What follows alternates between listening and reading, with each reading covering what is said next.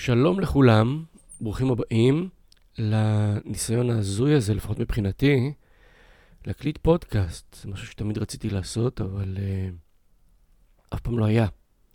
כשרציתי להקליט פודקאסטים, טרם המציאו את הפודקאסטים, ולכן לא יכולתי לעשות את זה. Um, אנחנו נקליט פודקאסט על... Uh, וואי, איזה חשיבות עצמית, אימא, לשמוע את הקול שלך במיקרופון. יאללה. אני כאילו לובש אוזניות, קניתי ציוד במיוחד, ואני מדבר אל מיקרופון עם כזה פופר, מסנן ראשים כזה מהפה שלך בינך לבין המיקרופון. ואני ממש לא נשמע לעצמי כמו שאני אמור להישמע לעצמי, כמו שאני נשמע לעצמי ביום-יום.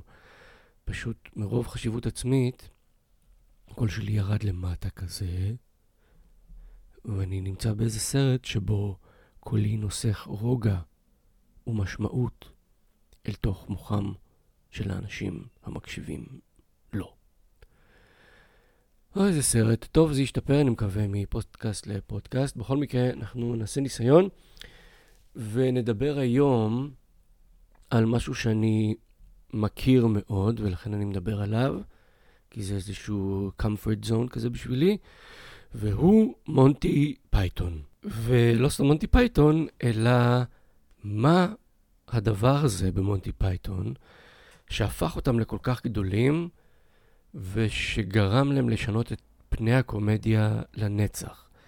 וזה לא מה שבדרך כלל אומרים, הדבר הזה שהם הם היו, הם ביטלו פאנצ'ליינים, לא היו פאנצ'ליינים במערכונים שלהם, וזה אפילו לא הקליק הספציפי של השישה אנשים האלה, כי הרי... כל אחד מהם מופיע בתוכניות דומות באותה תקופה. אה, גרהם צ'פמן וג'ון קליז אה, כתבו והופיעו בתוכנית שנקראה The Frost Report עם אה, רוברט פרוסט, והייתה תוכנית שנקראה Do Not Adjust Your Set, שהיו בה אריק איידל ומייקל פיילין וטרי ג'ונס, ועדיין זה לא היה זה, ועם זאת, לא החיבור שלהם זה עם זה ועם טרי גיליאם שהגיע אחר כך מאמריקה, לא הוא זה שלטענתי, הפך אותם לכל כך מיוחדים. כמובן שיש לזה חלק בזה, אבל זה לא זה.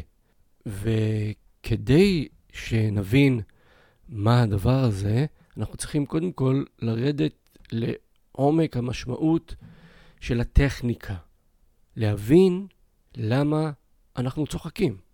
מה הדבר שגורם לנו לתגובה הזאת, הלא רצונית, של צחוק. ואם אנחנו מדברים על זה שזה לא רצוני, אז קודם כל, ברור שחייבת להיות שם איזושהי הפתעה. כי אם התגובה היא לא רצונית, היא לא יכולה להיות תגובה למשהו שהוא תהליכי. הוא חייב להיות מפתיע, ובכך לייצר בנו איזושהי תגובה שהיא הפתעה בעצמה, הצחוק. אז חייבת להיות הפתעה, אנחנו לא יכולים לצחוק ממשהו שהוא לא הפתעה, בגלל זה בדיחות שמסבירים אותן לא מצחיקות כשלעצמן. הן יכולות להצחיק, בג... אה, אה, כי אנחנו צוחקים על זה שזה לא מצחיק. זאת ההפתעה בעצם. אבל אנחנו חייבים שת... שיהיה שם איזשהו אלמנט של הפתעה. ומצד שני, יש גם דברים שמפתיעים אותנו שהם לא מצחיקים. אם יפתיע אותנו לגלות שסבתא שלנו נפטרה, או שהחתול שלנו נדרס, או שחלינו באיזושהי מחלה נוראית אה, לא עלינו, אז זה לא כל כך יצחיק אותנו. אז האם נכון יהיה לומר שאנחנו צריכים הפתעה, אבל על משהו שהוא לא טרגי? גם זה לא לגמרי נכון, בגלל שיש דברים טרגיים לכאורה שהם כן מצחיקים אותנו. יש לנו הומור שחור, אנחנו יכולים לצחוק גם על מחלות, גם על מוות, גם על אה, אה, טרגדיות, שואה וכולי, יש בדיחות שחורות. אה, אז זה לא בדיוק זה. אז מה יש שם מעבר להפתעה שגורם לנו לצחוק? מה זה צריך להיות משהו שלא לגמרי קשור אלינו, שאנחנו רק מזדהים איתו, עם הטרגדיה שלו? אבל גם לא רק טרגדיה מצחיקה, אז להז... יש שם תפקיד להזדהות. אנחנו כבר נענה על זה. אתם מכירים את הבדיחה הזאת אה, על זה שיש זוג זקנים ששוכב במיטה, ופתאום האישה הזקנה אומרת לבעלה, שרגא, תגיד, אתה לא מריח אה, ריח של גופה? שרגא, זה הבדיחה. זה כאילו מצחיק. בואו נספר את זה בצורה שהיא לא מצחיקה, כדי לנסות להבין מה ההבדל. הנה הצורה הלא מצחיקה של הבדיחה. אה, זוג זקנים שוכב במיטה, ופתאום האישה מריחה ריח של גופה, ומסתכלת על בעלה ומגלה שהוא מת. זה פחות מצחיק, נכון? למה זה פחות מצחיק? אז אולי זה פחות מצחיק בגלל שפה יש קצת פחות הפתעה, נכון? כי בצורה הקודמת שסיפרתי את זה, אז אה, אה, הייתה הפתעה בכך שהמוות של שרגא התגלה לנו במשתמע, לא באופן ישיר. לא אמרתי וגילתה שהוא מת, אלא אה, הקשבתם לה, הקשבתם לי מספר, הקשבתם לי מספר על האישה שמגלה שהוא מת על ידי זה שהיא פתאום מסתכלת עליו ואומרת, שרגא? אז העובדה שהשתמע מכך משהו, היא זאת אה, שסייעה בצחוק, אבל זה גם לא לגמרי זה, כי בואו ננסה לספר את הבדיחה בדרך אחרת, שבה עדיין הדבר משתמע ועדיין לא מצחיק. נגיד ככה, אה, זוג זקנים אה, יושב במיטה, פתאום האישה מריחה ריח של גופה ומתחילה לבכות. אז גם מפה המוות של שרגא משתמע. לא אמרתי שהוא מת.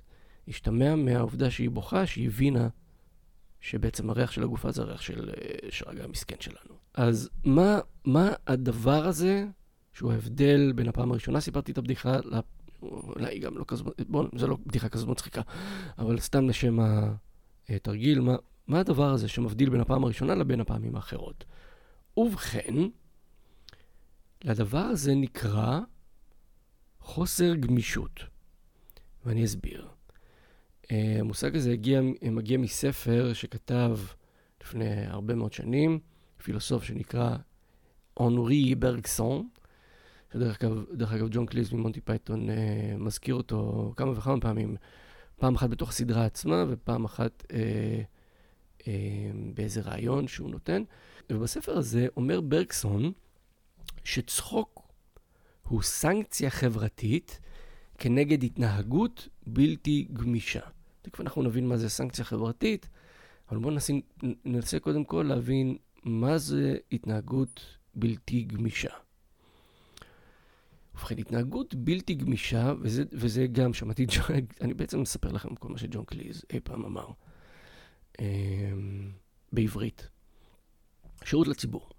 אז אה, גם באותו רעיון שהוא דיבר על הספר הזה, ג'ון קליז אמר שהתנהגות בלתי גמישה היא כשמישהו מחזיק בדעה או בתגובה זמן יותר מהדרוש, יותר ממה שהוא צריך היה להחזיק. יש דוגמה מצוינת לזה, אישית, יש לי דוגמה אישית.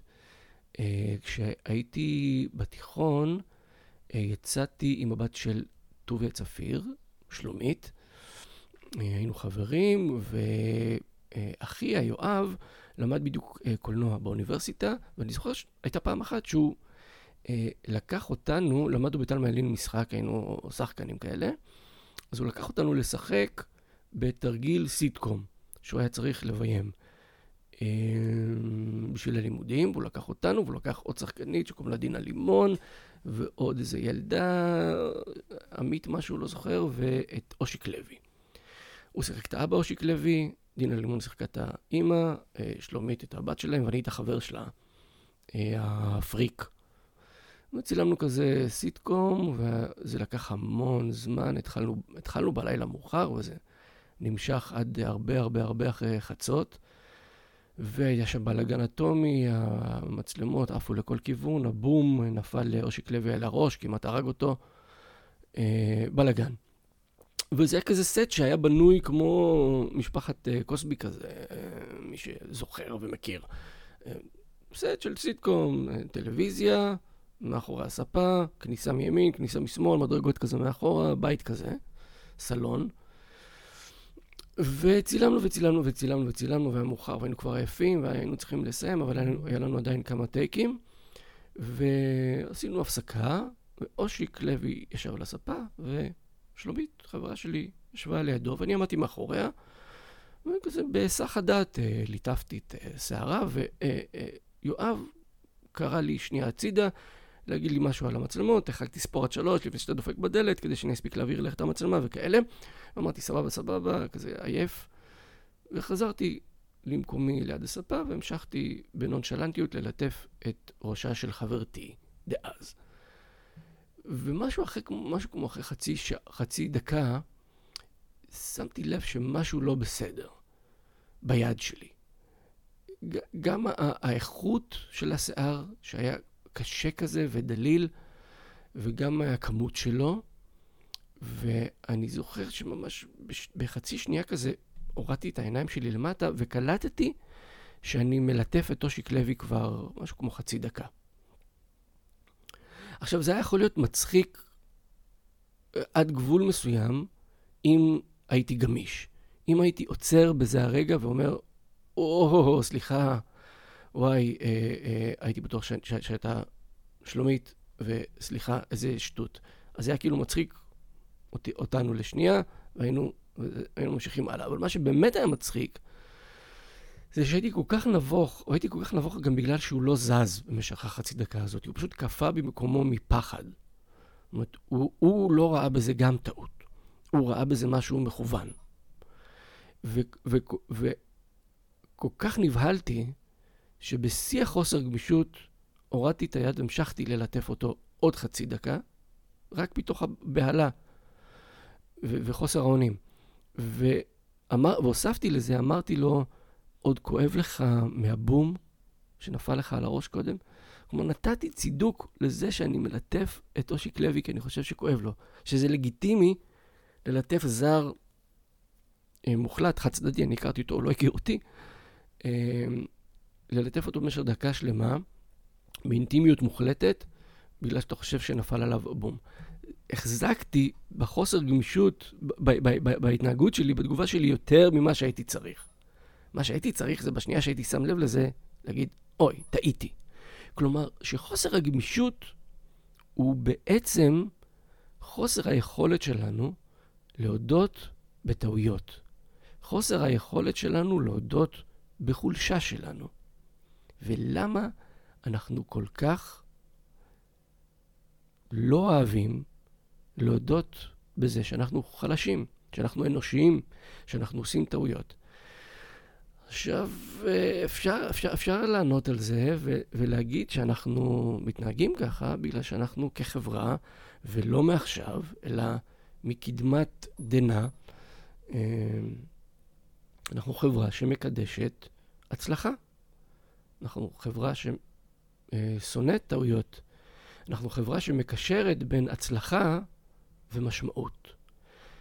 ואנחנו עושים את זה בגלל שאנחנו חיים כל כך, זמן כל כך מוגבל על הפלנטה הזאת, שאנחנו חייבים ליצוק כמה שיותר משמעות לחיים שלנו, אה, כדי לתת לחיים האלה צידוק.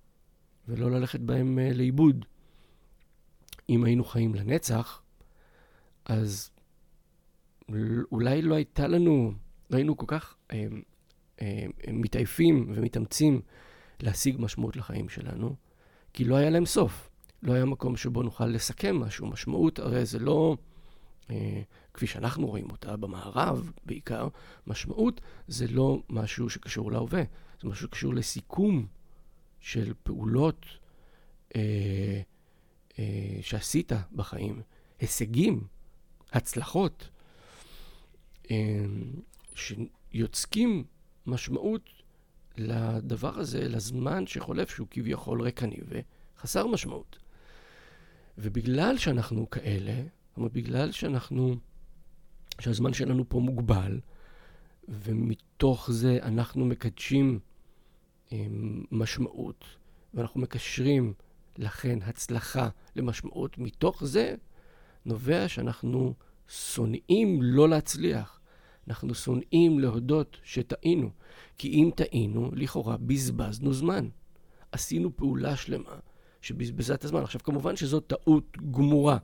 ויש לי איזושהי תחושה שבעשורים האחרונים, בעשר, עשרים שנה האחרונות, אנחנו לאט לאט מחלחל לנו לתודעה שטעות זה, זה הדבר הכי טוב שאנחנו יכולים לעשות לעצמנו, שזה החוסר בזבוז זמן הכי עמוק שיכול להיות, כי זה המנוף העיקרי להתקדם, לאו דווקא להצליח בפעם הבאה, אלא פשוט לעשות צעד נוסף ולמלא את עצמנו בתכנים שאנחנו לא מכירים, ואולי זאת המשמעות. אה, לאו דווקא להצליח אה, בפעולה, להפוך אותה למושלמת, אלא להכיר כמה שיותר פעולות חדשות, ומתוך כך כמובן לטעות. אז אני חושב שזה קצת מחלחל אלינו ב-10-20 שנה האחרונות, אבל בהחלט אפשר להגיד שגם היום אנחנו חברה שמאוד מאוד מאוד מקדשת הצלחות ומאוד מאוד נגד טעויות, ולכן, ומתוך האקזיסטנציאליזם האנושי הזה, שמלווה אותנו אפילו עוד לפני שהפכנו לחברה, אה, מתוך עצם המורטליות שלנו, הזמן הקצוב שלנו בעולם הזה, שאנחנו מפחדים לעשות טעויות, כי הן נתפסות אצלנו כבזבוז זמן. וזה אחד הדברים שמונטי פייתון עשו באופן מושלם. קודם כל, הם בזבזו את זמנו של הצופה שלהם. הם עשו את זה דרך נונסנס הרבה, הרבה מערכונים, הרבה תגובות של דמויות אה, פשוט נגמרות בכלום. אפילו יש סרט שלם, הגביע הקדוש, שמי שרואה אותו עד סופו לא מבין מה קרה שם. לא מבין אם מדובר במכונת זמן, שבה פתאום המשטרה מופיעה ועוצרת את המלך ארתור והאבירים שלו מהמסע שלהם להשיג את הגביע הקדוש. אנחנו יכולים לפרש אותו, אגב, כלהשיג איזושהי משמעות. ואי אפשר להשיג אותה. האם זה מכונת זמן, או שהאם זה פשוט חבורה של מטורפים שמשחקים את אה, המלך אה, ארתור אה, ואבירי השולחן העגול שלו ומתחפשים לאבירים מהתקופה הזו ורוכבים על סוסים. זה, זה קצת מוזר, כי, כי יש לנו איזושהי מצלמה שהיא דוקומנטרית ומצלמת את, את, את הסרט הדוקומנטרי ההיסטורי על המלך ארתור בסרט, אבל יש מצלמה שגם לא מצלם. בקיצור, אתה לא מבין, אתה לא מבין מה קורה. מי האנשים האלה? איך, הם, איך המשטרה הגיעה אליהם? איך הם הגיעו לרצוח אה, את, ה, את ההוסט של הסדרה הדוקומנטרית, או הסרט הדוקומנטרי שמצלמים על המלך ארתור? איך הזמנים האלה התערבבו פתאום? מה קורה שם? אי, אי אפשר להבין. זאת אומרת, החץ הזה של המשמעות שנורא בתחילת הסרט, כשאלוהים מבקש מהמלך ארתור אה, ללכת למצוא את הגביע הקדוש בגלל שאנשים איבדו משמעות בחיים, הוא רוצה לתת להם איזשהו משהו שמעניק להם משמעות. הגביע הקדוש, המציאה שלו, אה, היא תהיה רוחנית ותעניק לאנשים משמעות בתקופה האפלה. החץ הזה של משמעות שנורא בתחילת הסרט לא מגיע לשום מטרה. הוא לא פוגע בכלום. אה, וזה מותיר את הצופה במקום מאוד מאוד מבולבל, וזה קודם כל מבזבז את הזמן שלו, שזה כאמור הדבר הכי נורא שאפשר לעשות לבן תמותה שזמנו קצוב. זה קורה לא רק בסרט הזה, זה קורה גם במערכונים, זה קורה במערכון שבו, המערכון האהוב עליי, שבו אה, השם של האומן שהתוכנית אה, של המערכון מדברת, תוכנית אומנות כזאת ותרבות ומוזיקה מדברת עליו, הוא שם ארוך כאורך הגלות. אה, אה, אני יודע אותו בעל פה ואני אדגים עכשיו, אני אשוויץ. שמו של האומן הוא יוהאן גמבלפוטי, דבון Ausfern, Splendid Schlitt, Krass Grambon, Friede Gedankel, Dugan, Busten, von Neckerthresher, Appelbanger, Horowitz, Tickelenzi, Grander Notti Spell, Tinkler, Grandisch Grubemeis, Bettelwasser, Kutzlichen Beneisenbahn, Wagen, Gute Bitte, eine Nürburger, Bratwasser gespitten, mit zwei Meckelube, Hunsfut, Gume, habe schon Deckel, Kapfleisch mit Rakov und Hautkopf of Ulm. ואת השם הזה אומרים משהו כמו ארבע פעמים במערכון, וזה בעצם מה שאומרים במערכון. זאת אומרת, אין, הם מנסים לדבר על חייו של האיש ועל המשמעות של החיים שלו בחיינו על ידי היצירה שלו, ואי אפשר להגיע לזה בכלל, כי כל מה שאומרים זה רק את השם שלו, בכל פעם שמנסים רק להזכיר אותו, או את אשתו. סרה גמבל פוטי וכולי וכולי.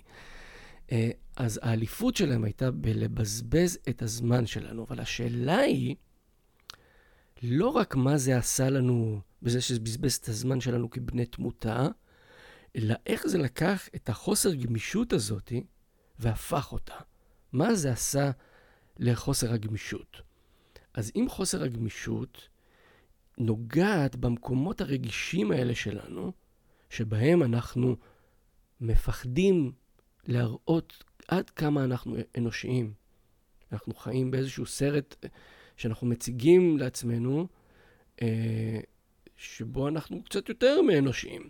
בגלל זה, בדיוק מהסיבה הזאת, אגב, הרבה יותר מצחיק לראות את ראש הממשלה מחליק על בננה, מאשר ליצן מחליק על בננה. כי הליצן אה, כבר חושף את, ה, את החולשות שלו. הליצן הוא הטיפש. הליצן הוא ה... הלא נורמלי. בעוד שראש הממשלה מלא בחשיבות עצמית, והחשיבות עצמית הזאת היא החוסר גמישות. היא ההתנהגות שמחזיקה מעצמה יותר מהזמן שהיא אמורה להחזיק. ואנחנו, כשראש הממשלה מחליק על בננה, אנחנו צוחקים על החשיבות העצמית שהוא אה, הקרין לפני שהוא נפל. אה, אנחנו צוחקים על ההליכה המלאת חשיבות עצמית שלו לפני הנפילה, ולאו דווקא על הנפילה עצמה. אז אם נחזור למונטי פייתון, אז אם באמת חוסר הגמישות זה המקום שבו אנחנו נוגעים בפחדים שלנו, בעצם בפחד הבסיסי שלנו, למות ללא משמעות. חוסר הגמישות, אנחנו אוחזים בטעויותינו וממשיכים לתת להם צידוקים וליצוק לתוכם משמעות כאשר אין בהם בעצם משמעות. רק בגלל שאנחנו מפחדים שנמות בעצם ללא משמעות, אם זו חוסר גמישות, אז בכך שמונטי פייתון בזבזו את הזמן שלנו, ובכך שהם הציבו אותנו במקום אה, מבוהל ומבולבל וחסר משמעות, נונסנסי, חסר משמעות, בכך הם בעצם לקחו את חוסר הגמישות, ובמקום שהדמויות שלהן תהיינה על המסך, ובמקום שהדמויות יהיו לא גמישות, ואנחנו בתור קהל נשב ונשפוט אותן, וכאן אנחנו מגיעים למה זה אה, סנקציה חברתית כנגד חוסר גמישות. במקום שאנחנו נטיל איזושהי סנקציה חברתית כנגד חוסר גמישות, רק כדי להרגיע את החוסר גמישות שבעצם מקנן אצלנו, להרגיע את הפחדים שלנו, ובגלל זה אנחנו צוחקים. אנחנו צוחקים באופן בלתי נשלט, בעצם כדי לפוגג את הפחד. אז במקום שאנחנו נשפוט, נטיל סנקציה חברתית על התנהגות בלתי גמישה של דמויות שאנחנו רואים על המסך, חוסר הגמישות עובר אלינו. אנחנו בתור קהל נמצאים במקום הזה של החולשה, של החוסר משמעות, של הנונסנסיות, של הפחד בעצם, שקשור לחוסר גמישות. ומונטי פייתון בעצם הפכו את המראה הזאת והעבירו אותה אלינו, ובכך הם עשו את מה שאף אחד לא עשה עד מונטי פייתון, ואני מאוד בספק אם מישהו עשה את זה אחרי מונטי פייתון, וזה לגרום לנו לא רק לצחוק, אלא גם לחשוב. זהו, עד כאן הפיילוט של הפודקאסט המוזר הזה, שעדיין לא לו שם. אה, אולי ימשיך, אולי לא, אה, נראה. אה, מה שכן, אה, בקרוב אה, אני רוצה לצרף אליי, או בעצם להצטרף אל, או לעשות משהו ביחד עם אשתי האהובה הדר. אה, אנחנו רוצים להריץ איזשהו פוסט, פודקאסט אה, זוגי. אה, נראה לי בעיקר בגלל שאנחנו אחרי שנתיים וחצי של שני ילדים קטנים, יש לנו את זוהר בן שנתיים ושמונה, עוד מעט, וליבי הקטנה בת שמונה חודשים, שבעה חודשים. וקצת נמאס לנו לדבר אל אנשים שהם לא בוגרים, אז אנחנו רוצים קצת לדבר אחד עם השני, וזה יקרה בקרוב, אני עדיין לא יודע מתי, אבל זה יקרה. בכל מקרה, עד כאן לפודקאסט הזה. תודה שהקשבתם לקולי העמוק ונוסח המשמעות בחייכם.